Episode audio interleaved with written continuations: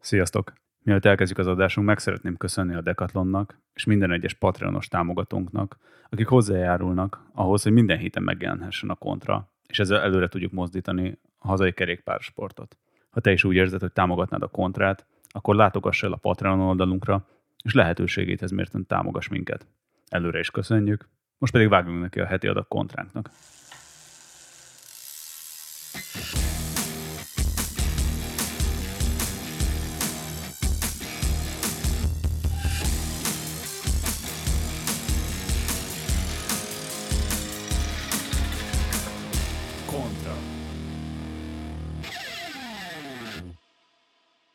Szervusztok, kedves hallgatóink, ez a Kontra Podcast, én Grósz Béla vagyok, és mai társam pedig Kusz Matyi. Sziasztok! Ma ismét egy magazinadásra fogunk jelentkezni nektek, amiben több témát fogunk érinteni. Utóbbi hetekben elég komoly új bringa dömping volt. Volt egy klímacsúcs Glasgow-ban, aminek a kerékpáros aspektusait fogjuk egy picit boncolgatni, illetve hogy mennyire nem voltak kerékpáros aspektusai. Illetve van még egy vendégünk az adás elején, ugyanis pár héttel ezelőtt tört egy pár héttel ezelőtt, ami még egy békés csoportos edzésnek indult a Florián térről, végül tömegbalesetben végződött a 11-es úton. Dr. Kovács Kristóffal szeretnénk arról beszélni, hogy egyáltalán hogy kerül az ügy közelében, mi történt, és jogi oldalról hogyan lehetne ezt az egészet megközelíteni. Szia Kristóf! Sziasztok, köszöntök én is mindenkit. Én úgy kerültem ebbe a képbe, hogy magam is amatőr kerékpárversenyző vagyok, de egyben ügyvéd civil foglalkozásom. Dolgozom is többek között a saját klubom képviseletében is sok jogi ügyön, és mivel a klubunk több versenyzője is érintett volt ebben a sajnálatos esetben, külön meg is keresett engem a klubvezetés, hogy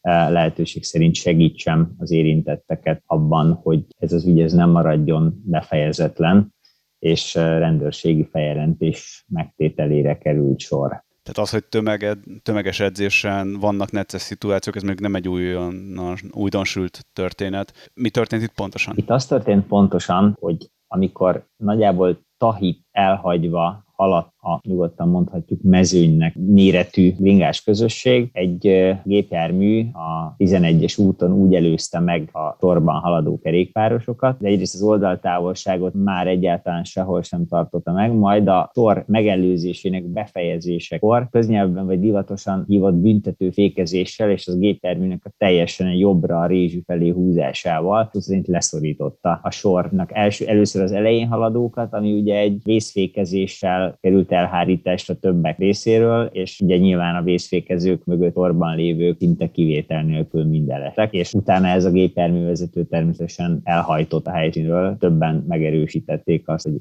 erős gázadással, hiszen észlelve azt, hogy ő milyen problémát okozott, az szerint elmenekült a helyszínről. Itt ennél a szituációnál most kell az ilyen ártatlanság vélelmét, meg hogy nagyon forró ügy, és nem tehetünk konkrét kijelentéseket megtennünk? Speciál, ugye én nem is vagyok érintett az ügyben a szónak a jogi értelmében. Véleményem lehet, meg csak olyan dolgot mondtam most is el, ami egyébként nyilvános fórumokon is már közreadásra került. Magáról a folyamatban lévő büntetőeljárásról, azzal kapcsolatban nevekről, tényadatokról nem lehet beszélni. Nyilván az, azt meg kell hagyni a hatóságnak, hogy a nyomozást folytassa. Azt elmondhatjuk, hogy az érintettek az a balesetben eleső fiatal versenyzők közül többen is tettek rendőrségi feljelentést, ez alapján el is indult ez az eljárás, és bízunk abban, hogy ott a nyomozó hatóság majd végzi a munkáját. Arról azért szerintem mindezek mellett is beszámolhatok, hogy a, a rendelkezés álló információk alapján profi nyomozást és agilis nyomozókkal profi nyomozást folytat a Szentendrei rendőrkapitányság. Azt mondtad a beszélgetés elején, hogy mezőnynek lehetne már nevezni ezt az edzést. Mennyien voltak egyáltalán ezen a bringázáson? A 30 főt bizonyosan meghaladta a kerékpározók létszáma. Tehát akkor ez mondjuk egy, ha kettesével mentek, egy hozzávetősen egy 50 méter hosszú kerékpáros sor volt, amit meg kellett előzni. És a, hát a kettesével menésről én nem tudok pontosan beszámolni, hogy ez most ténylegesen kettes oszlop volt-e, vagy azért többen egyes oszlopban közlekedtek, ebben el, én eltérő információkat kaptam eddig, de nem is, én azt gondolom, hogy az eredeti kérdésedre válaszol, igen, ez bárhogyan is nézzük, ez egy azért nagyobb, hosszabb kerékpáros sor volt. Amennyire én tudom, ez is dühítette föl leginkább dominózus autós. Mondjuk így azért a saját tapasztalatból, és szerintem Matyi te is tudod, hogy nem kell igazából, hogy mondjuk 30 ember egymással bringázzon, gyakorlatilag három bringásnál is már ki lehet váltani ilyen indulatokat autósokból. Én nekem is az a tapasztalatom, hogy inkább az autóstól függ az, hogy hogy reagál a közlekedésben részvevő kerékpárosokra, és nem pedig a kerékpárosok számától. Bennem amúgy az merült fel kérdésként, Kristóf, mit gondolsz arról, hogy törvényalkotási szinten mit lehetne, vagy hogyan lehetne változtatni azon, hogy ugye mostanában, ugye most elfogadott szabályok szerint ugye az egyes sorban haladás a törvényes, mondjuk így, vagy a szabályos, és értelemszerűen ez nem elég egyértelmű, de, de szerintem én inkább azt mondom, hogyha sok kerékpárosról van szó, akkor biztonságosabb sok esetben és a kerékpár, vagyis a közlekedés többi részvevőit sem zavarja annyira, hogy a kettes sorban haladnak a kerékpárosok. Milyen módon lehetne szerint ezt a magyar hatóságokon átvinni? Nagyon jó a kérdésed, és nagyon időszerű is szerintem jogi szempontból is. Van folyamatban jogalkotási feladat és konkrét minisztériumon belüli munkacsoport, ami vizsgálja már ezt a kérdést, és az, ami a külföldi országokban több helyen is jó modellként szolgál, az, az egyik, ami biztosan szabályozandó lenne, az a megkülönböztetése az igazolt sportolóként ilyen minőségében kerékpározónak a bármely egyéb hétköznapi okból kerékpározótól. Ezt egyelőre a hatályos presszünk nem ismeri, tehát aki közúton kerékpározik, az teljesen mindegy, hogy őt Walter Attilának hívják, és egy világszintű profi kerékpáros, vagy Gizi néni megy éppen a boltba a bicikliével, mint a legtávolabbi pontokat talán így tudnám meghozni, mind a kettőkre ugyanaz vonatkozik, egyes oszlop út szélén Rézsűhöz közelítve lehet közlekedni. Ezt ugye az egyik feloldási mód, hogy a versenyzési célt,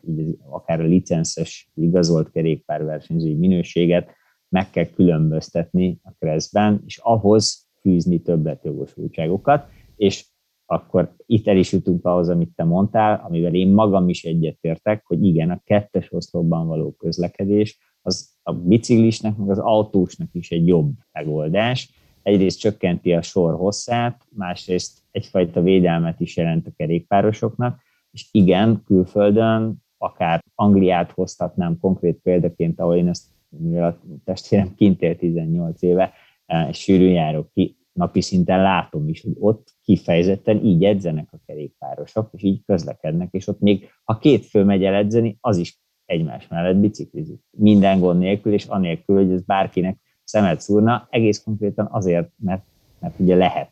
Ezt a, ha a szabály megengedi, akkor senki sem kérheti számon jogszerűen. Igen, főleg, főleg azért lenne ez szerintem időszerű, mert Magyarországon is egyre népszerűbb ugye az országúti kerékpározás, és azért azt tegyük hozzá, hogyha a kettes sorban akár már egy 6-8 fős amatőr mezőnyről beszélünk, mezőnyről, hát 6-8 fős társaságról, ott is a, a tempó az már inkább egy robogós tempójához közelít, tehát ott azért egy 35-40-es átlag az teljesen normális egyértelműen az, e, és ugye a konkrét szituációra visszacsatolva, itt is egy olyan helyen történt a, a baleset, ahol a tempó az bőven 30 fölött volt, és ilyen sebességnél, ezt ti is tudjátok, hogy országúti kerékpárt megállítani függetlenül a tárcsaféktől, vagy anélkül nem megy három méter alatt. Abból is fakadt a baleset, hogy maga a leszorító manőver, az, az ugye nyilván zavaró volt a sor elején haladóknak, de egyébként közvetlenül a sor elején haladók nem estek el, aminek az egyik ok, hogy a sor elején haladók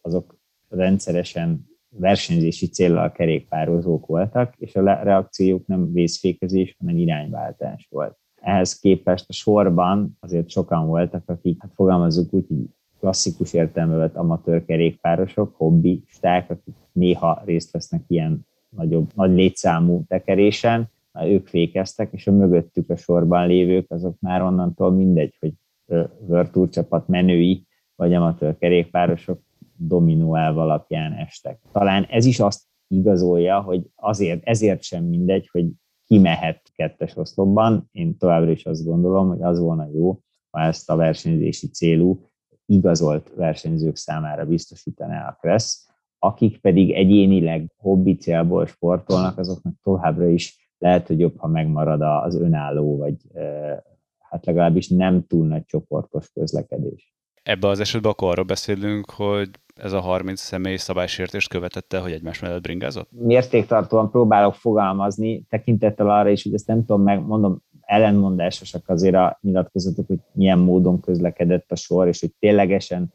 a, a szó általunk vett értelmében kettes oszlopban mentek el, de igen, ez elvileg nem szabályos. Próbáljunk meg akkor a esettől elvonatkoztatni, hogy ha, ha fiktív kerékpárosok elmennének egy közös edzésre, akkor ezen a fiktív edzésen még gondolatban sem menjenek egymás mellett.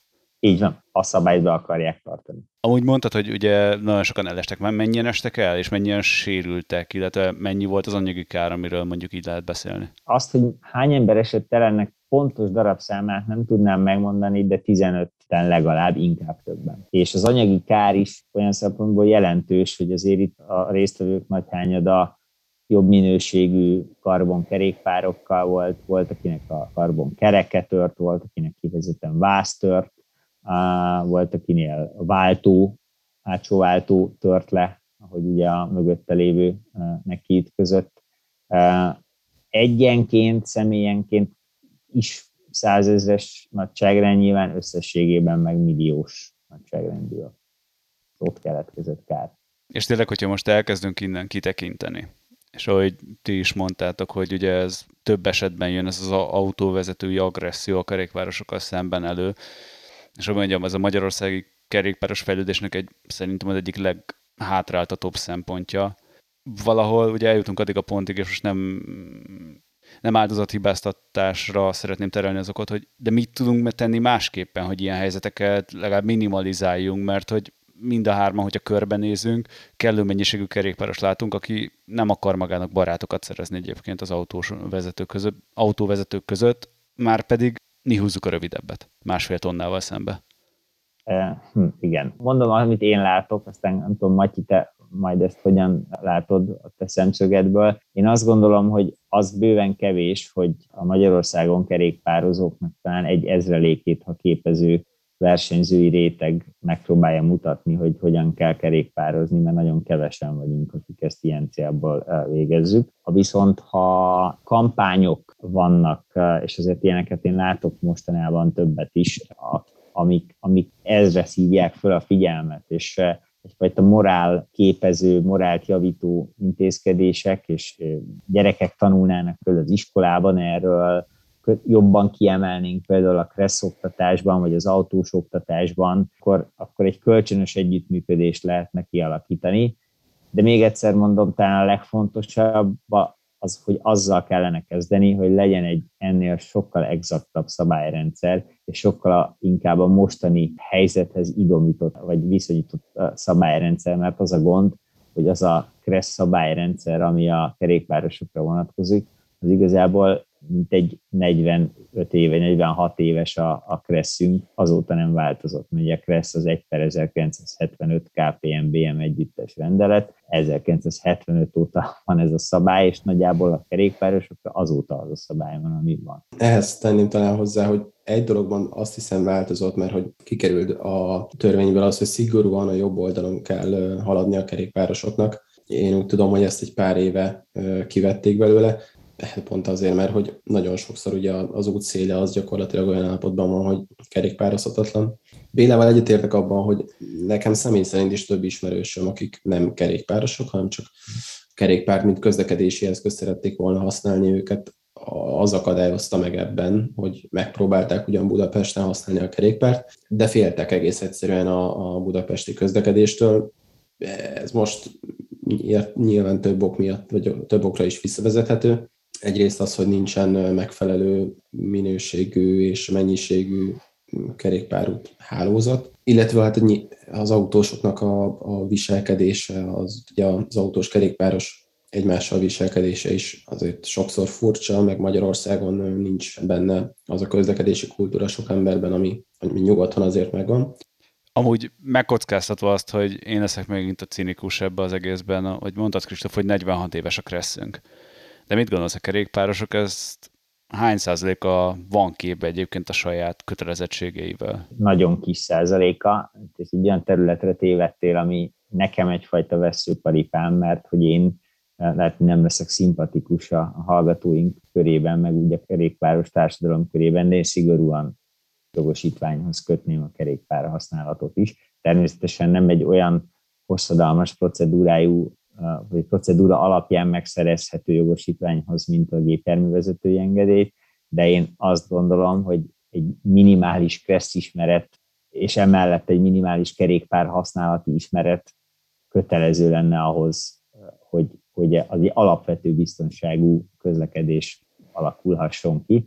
Én ezt így gondolom, pont azért, mert azt látom, hogy jobb esetben olyan ül a bringának, aki esetleg autót is vezet, és akkor ezt összekapcsolja, és valamelyest tud közlekedni a forgalomban, de hát ha csak azt vesszük, hogy hány olyan fiatalunk van U19, U17 kategóriákban neves eredményeket elérő országúti kerékpárversenyzők, akik ugye a Crest koruknál fogva sem ismerhetik, legalábbis jogosítványuk biztos nincs, és mégis napi szinten ők már részt vesznek országúton forgalomban, közlekedéssel a forgalomban, tehát hogy benne, benne mozognak, életveszélyek. Ugye amikor ezt az érvet felhozod, akkor szokott a legtöbb érdekképviseleti szervezet sikítani, hogy de hát ezt uram, hát ezt hogyan gondolja maga dr. Kovács? hát akkor visszaszorítjuk a kerékpározás fejlődését. Hát ezt nem lehet megtenni, meg hát nincsen mindenkinek pénze jogosítványra. Jó a felvetés, ezért, már ezért kezdtem úgy, hogy valószínűleg nem leszek népszerű ezzel a véleményemmel. Annak, a, hogy ezt egy rendszer szinten kezelje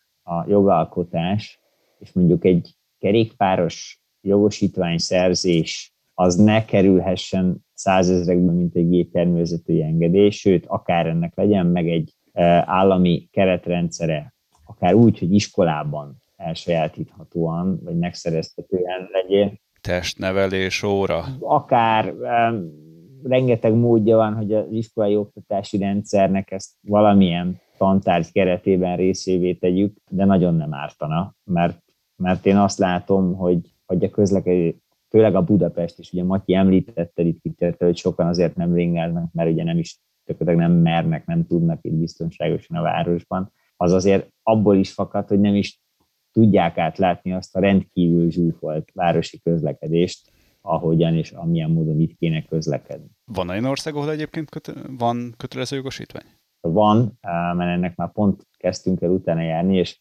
megmondom őszintén, hogy valahol már egyszer föl is írtam magamnak, hogy hol, de most nem tudom megmondani. De van, ahol ez. Úgyhogy én azt gondolom, hogy valami ebben az irányban is kellene történnie, és hát ugye a másik oldalra meg pláne nincs most ráhatásunk. Matyi említetted az autósok hozzáállását, igen, én is azt tapasztalom, akár csak ha külföldre elmegyünk, én elég sok éve járok például nem is messzire Horvátországba, ami szerintem kultúrájában sem nagyon tér el Magyarországtól, mégis már ott az Isztriai félszigeten sokat bringázva tudom azt mondani, hogy egész másképp állnak a kerékpároshoz, és ott vigyáznak rám. Tehát ott eszembe nem jut attól félni, hogy valaki elüt, mert, mert a kereszteződésben akkor is elsőbséget ad, ha neki lenne, és érzem azt, hogy úgy kerül, hogy tudja, hogy ha szerpentinen megyünk a hegyen például, akkor nem fog kikerülni csak azért, és leszorítani a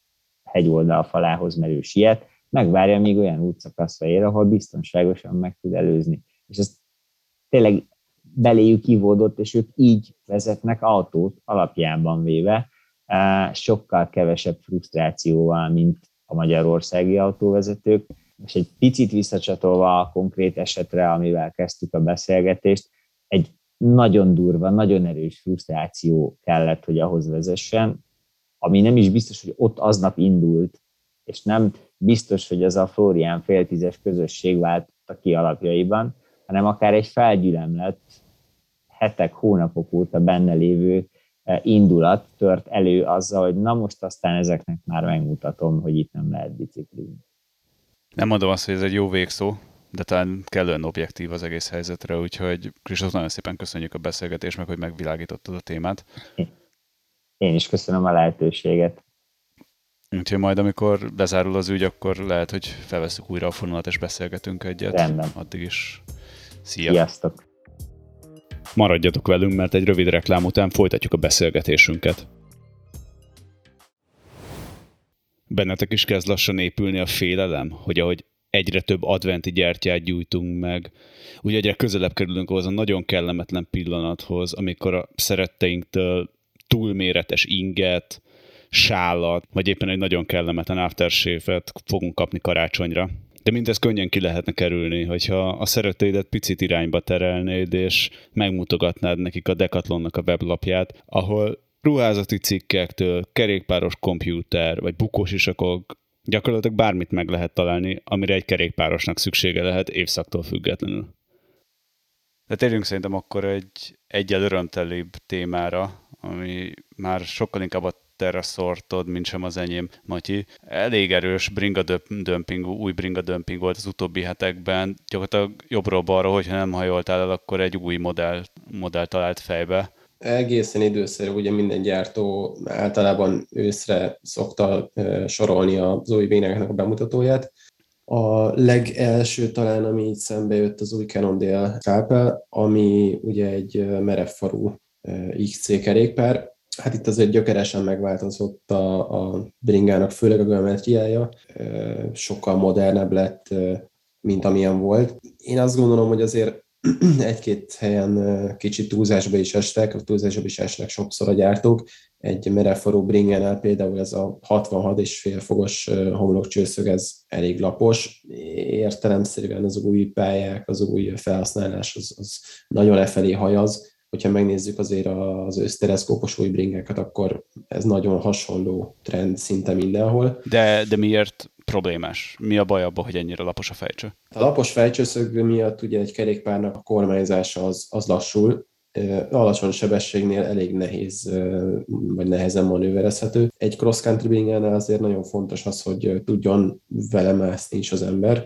Egy nagyon lapos fejcsőszögő bringánál alacsony sebességnél ez eléggé megnehezíti a manőverezhetőséget. Nyilván magasabb sebességnél, amikor gyorsan megyünk egy pályán, vagy egy lejtőn, akkor, akkor jobb meg jobb vele menni, jobban irányítható marad a bringa. A Cannondale mellett én azt gondolom, hogy a fejcsőszög még mellett még el tudok menni, mert azt gondolom, hogy sok felhasználónak ez jó lehet, meg, meg az új trendek, trendek tényleg felé mennek. De én mind a mellett, hogy tök jó tényleg a, a lefti, én azt gondolom, hogy egy nagyon jól mozgó, nagyon finoman mozgó villáról van szó, és a Canon DL mellett szól abszolút, de mint új váz, én azt gondolom, hogy ugye itt a súlyon faragtak sokat, és ezzel a 895 g-ra faragták le a a súlyát a, a váznak. Ez azért nem egy olyan brutális adat most már, amit egy ekkora gyártó olyan nagyon büszkén tudjon állítani, mert még egy olyan mainstream gyártó is, mint a Specialized, egy mainstream cross-country biringánál,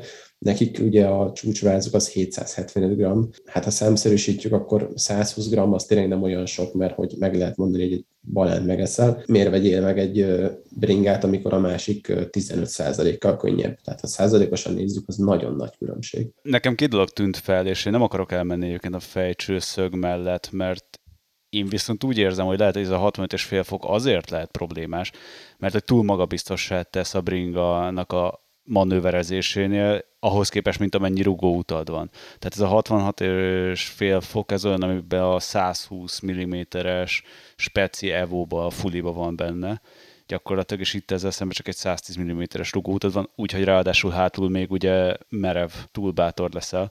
Aztán a másik téma meg, hogy ugye scalpelnek hívjuk a bringát, ami az utóbbi 10 évben a Softail, illetve fuliai voltak a Cannondale-nek, és ez most akkor, hogy is van, hogy ez akkor merev lett? Hát merev, merev.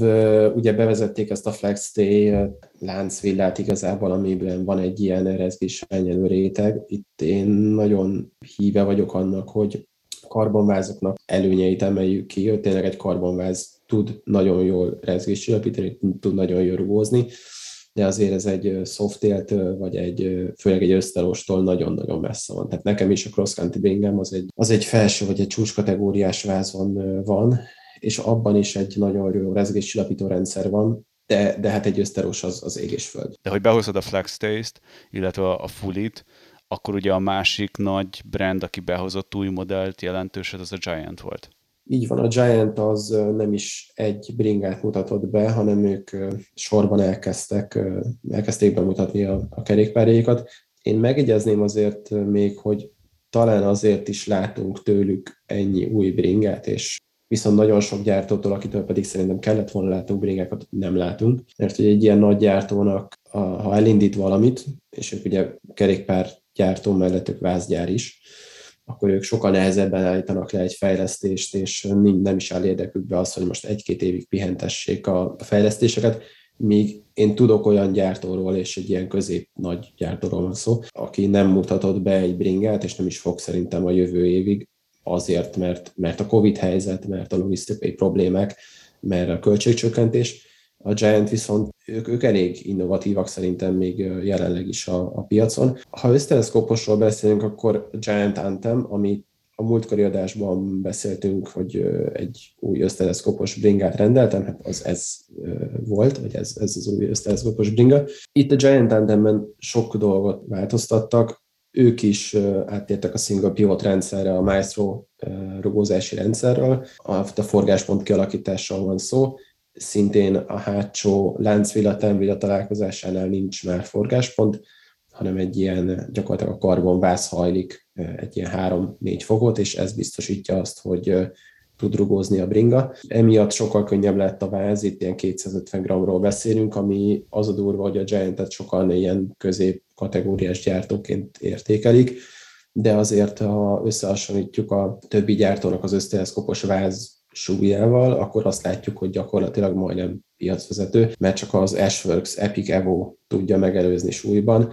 ami viszont hát árban körülbelül annyi egy váz, mint amennyi egy SLX-es karbonkerekes komplet bicikli a Giant-nél, és minden más gyártó ilyen 100-150 grammal nehezebb vázat gyárt ugyanebben a kategóriában. Az Anthemnél talán egy olyan dolgot jegyeznék meg, ami hátrány lehet sok embernek, ez az, hogy nincs két kullacs tartó ebben a vázban, vagyis hát nem lehet elhelyezni két kullacs tartót. Mérettől függetlenül, tehát a legnagyobb méretben sem. Így van, mert hogy ugye a, a maga rugós tag az hát útban van. Tehát ahol a második kulacsnak kéne lennie, ott, ott, ott van a rugóstag. Itt is gyakorlatilag azt lehet mondani, hogy mint a Canon-dél ugyanígy modernizálták a bringát, tehát nőtt a rugóút, hátul 100 elő 110 mm-re, 2-4-es gumit, mert bele lehet passzírozni a vázba, villába, a 34-es Foxot használnak már elől is. Tehát egy sokkal merevebb, sokkal könnyebb, sokkal jobban mozgó bringát hoztak ki, ami egyedülálló a piacon, hogy a Foxnál a, ez a live valve rendszer, ami ugye elektronikusan zárja, illetve nyitja a villákat, ez már középkategóriában is megjelenik. Ha jól tudom, akkor a Giant erre egyedülálló jogot kapott, hogy ezt a tagot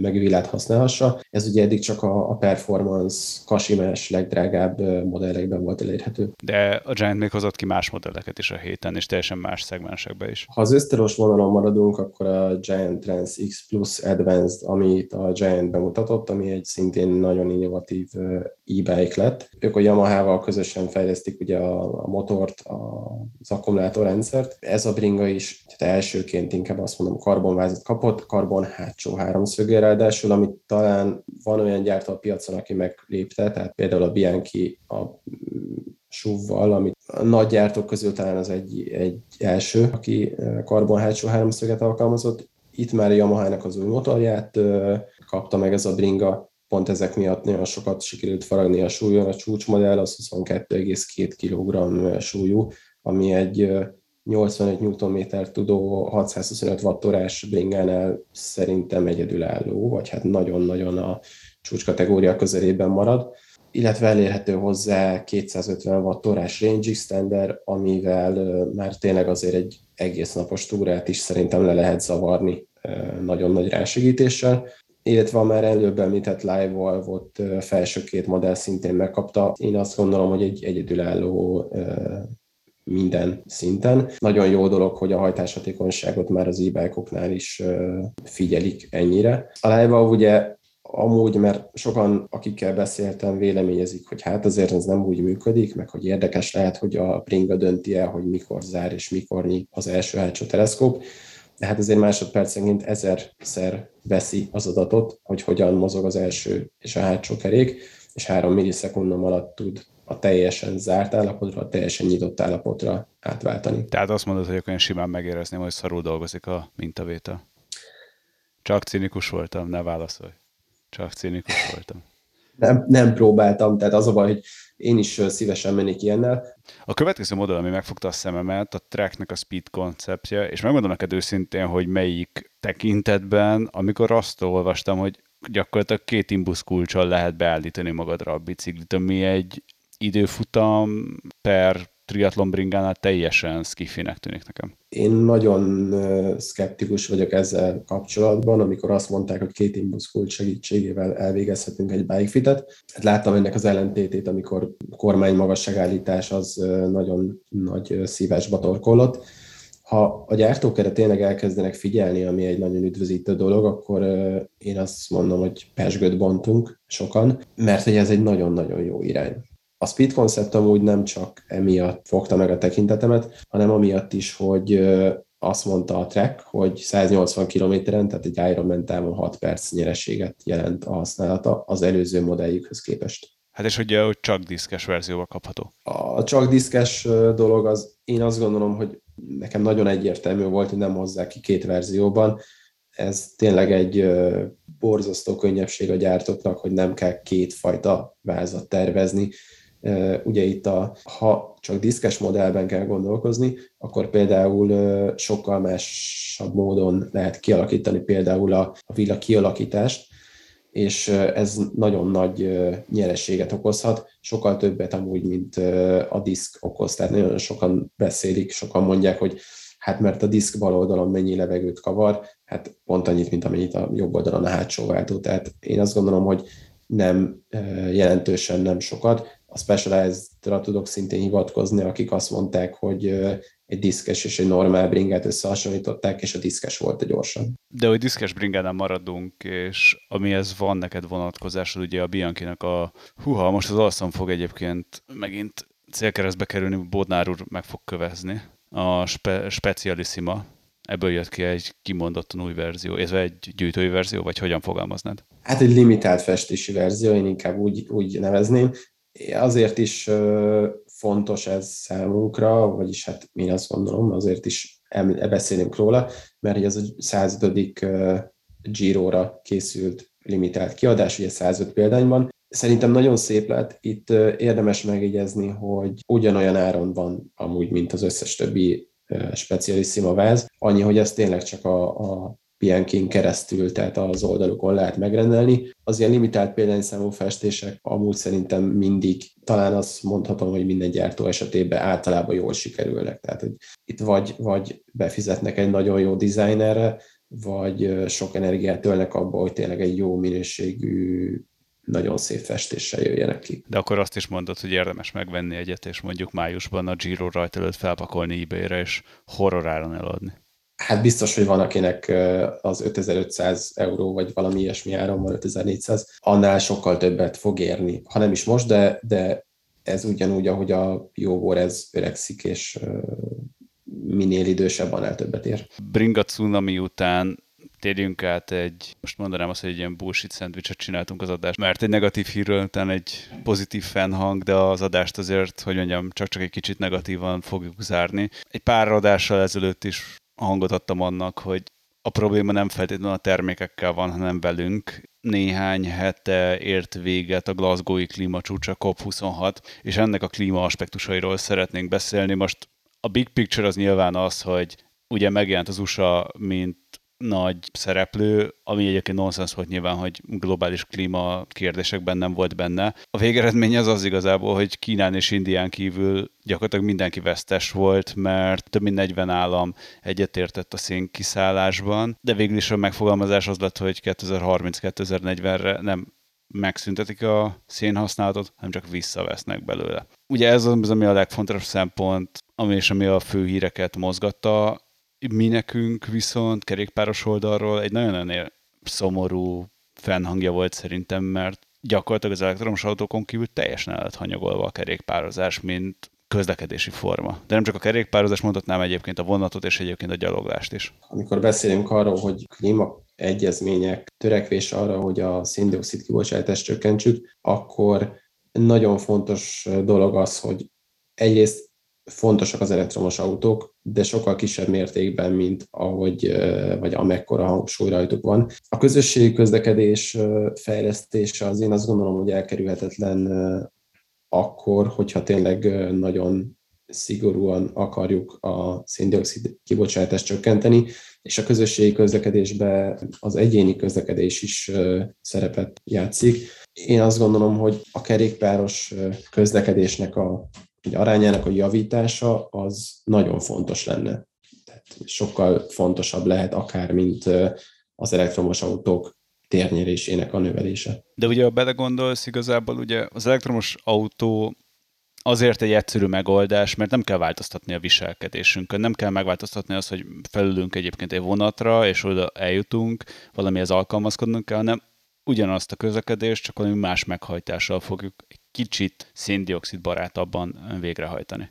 Pontosan, tehát itt én azt gondolom, hogy mindenki megint egy, egy könnyű kiutat keres, egy, egy egyszerű megoldást, amit azt mondják, hogy pénzzel megvehetem azt, hogy környezet hatékony, környezetvédelmi módon eljuthatok A-ból B-be, akkor én kifizetem azt a pénzt, mert nagyon sok ember ezt meg tudja tenni, viszont a problémát azt igazából nem oldjuk meg, csak áthelyezzük. És az a nagyon-nagyon kellemetlen sztori, hogyha ne adj Isten, 10-15 év múlva rájövünk arra, hogy egyébként mégsem az elektromos autók hozzák a nagy megváltást, de beégetjük igazából a felhasználókba és az emberekbe magát az autó használatot. Azon túl egyébként, hogy az infrastruktúra fejlesztésben most nem tudom kifejezni, tehát hogy a űrgolyókból tudok idézni, hogy ilyen skót kockás, skót mintás sebességtartományba mentünk el a költésben, mert hogy mindenhova töltőt akarunk telepíteni, ami ha nem jön be ez a próbálkozás, akkor mi van? Az energiának a felhasználása az nagyon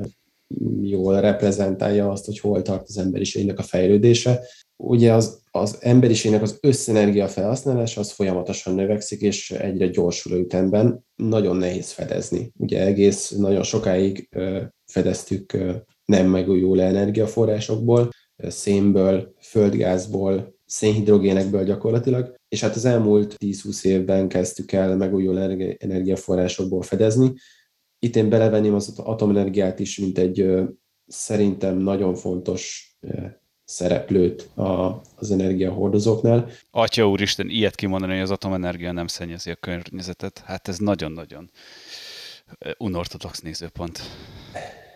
Abszolút, tehát én, én tisztában vagyok azzal, hogy a Greenpeace, illetve nagyon sok szervezet ez az atomenergia ellen van, és hát történt valóban sok súlyos baleset az elmúlt, így hát mióta az atomenergia létezik de ha belegondolunk, akkor sokkal tisztább és sokkal érhetőbb környezetet lehetne teremteni az atomenergia segítségével.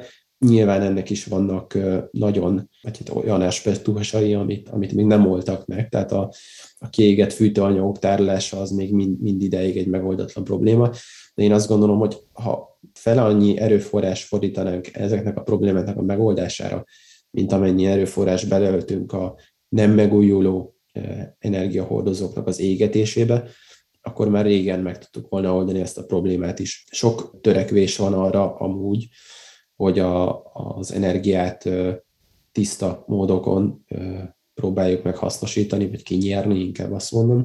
Ugye a napenergiát sok módon akarják felhasználni, tükrök segítségével köveket melegíteni, napelemeket folyamatosan fejleszteni, illetve hát olvashatunk szinte heti gyakorisággal arról, hogy az akkumulátor technológia is egyre-egyre kifinomultabb és jobb, és már a sarkon van a következő nagy áttörés. Hát azért ez még mindig nem történt meg, de én azt gondolom, hogy elsősorban a, az energia előállítását kéne megtisztítani, és hogyha ez amúgy megvan, akkor az elektromos autózás nem lenne egy akkora nagy zsákutca, mint amekkorának most tűnik, mert még mindig ott tartunk, hogy tüzeljük a szenet, és töltsük fel belőle az autókat. Hát meg nekem a legnagyobb probléma, hogy megint csak az individuális közlekedést erőltetjük, hogy amellett, hogy felírjuk most a zászlónkra, hogy nagyon-nagyon fontos a környezettudatos közlekedés, nézzünk meg, Európában 2000-ben volt 202 darab millió autó, 2017-es statisztikát találtam, ami még a piaci robbanás előtt volt, akkor volt 264. Tehát 31%-kal megnövekedett a gépjárművek száma. Most ebből kiváltunk egy kis részét, és jobbra-balra tologatjuk a potmétert, ez semmit nem fog eredményezni. Ráadásul egyébként a kerékpárnak a legnagyobb bűne az az, hogy nem szexi. Pedig azon túl, hogy egyébként az egyik leghatékonyabb ö, helyváltoztatási eszköz, azon túl egyébként még nemzetgazdasági szinten egészségügyi hatásai is kimondottan pozitívak lennének, ami egy kockáztatom itt a műsorunknak a jövőjét, hogy azt mondom, hogy a magyar társadalom egészségügyi szempontjából nem feltétlenül egy hülye dolog ezt figyelembe venni. Igen, itt visszautalnék a műsornak az első részére. Beszéltünk arról, hogy kötelező kresszvizsgát tenni, javasolni minden kerékpárosnak. Ugye ezt szintén én azt gondolom, hogy egy nagy kampány keretében teljesen meg lehetne valósítani. Ez egy társadalmi érdek, hogy mindenki biztonságosabban eljusson A-ból B-be, és egy középtávon, főleg a magyarországi időjárási viszonyok mellett, ahol én azt gondolom, hogy az évnek a nagy része azért kerékpározható mindenféle, és én azt, azt gondolom, hogy nagyon szélsőséges technikai ruházatok segítségének igénybevételen nélkül is. Nagyon sokan szerintem tudnának kerékpározni, és egy ilyen 5-10 kilométeren belül egy átlagember számára teljesen ki tudná váltani az autót. És zárszónak egyébként én úgy gondolom erre az egész történetre egy a tanulság, hogy ne ilyen nagy klímacsúcsoktól, meg nagy szervezetektől várjuk az ilyen globális problémáknak a megoldását, hanem egyszerűen a kemény valóság az az, hogy egyedi oldalról kell felelősséget vállalnunk és változnunk és a szokásainkban az emberek döntik el a bolygónak a sorsát. A végére csak-csak találtunk egy közepesen pozitív zárást, Matyi, úgyhogy good job, jár a virtuális pacsi. Nektek nagyon szépen köszönjük, hogy meghallgattatok minket ezen a héten is. Reméljük, hogy tetszett. Hogyha igen, akkor iratkozzatok fel a Patreon csatornánkra, ahol még mindenki előtt meghallgathatjátok az adást. Ezen túl havi egy exkluzív Patreon interjúban is részesei lehettek, illetve lehetőségetek van egyébként az adásban kérdéseket is feltenni. Ha ennél picit kevésbé tetszett, akkor adjatok egy jó review-t, vagy csak osszátok meg. Tehát a legfontosabb, hogy menjetek el egy, egy jót bringázni. És jövő héten találkozunk. Sziasztok! Sziasztok!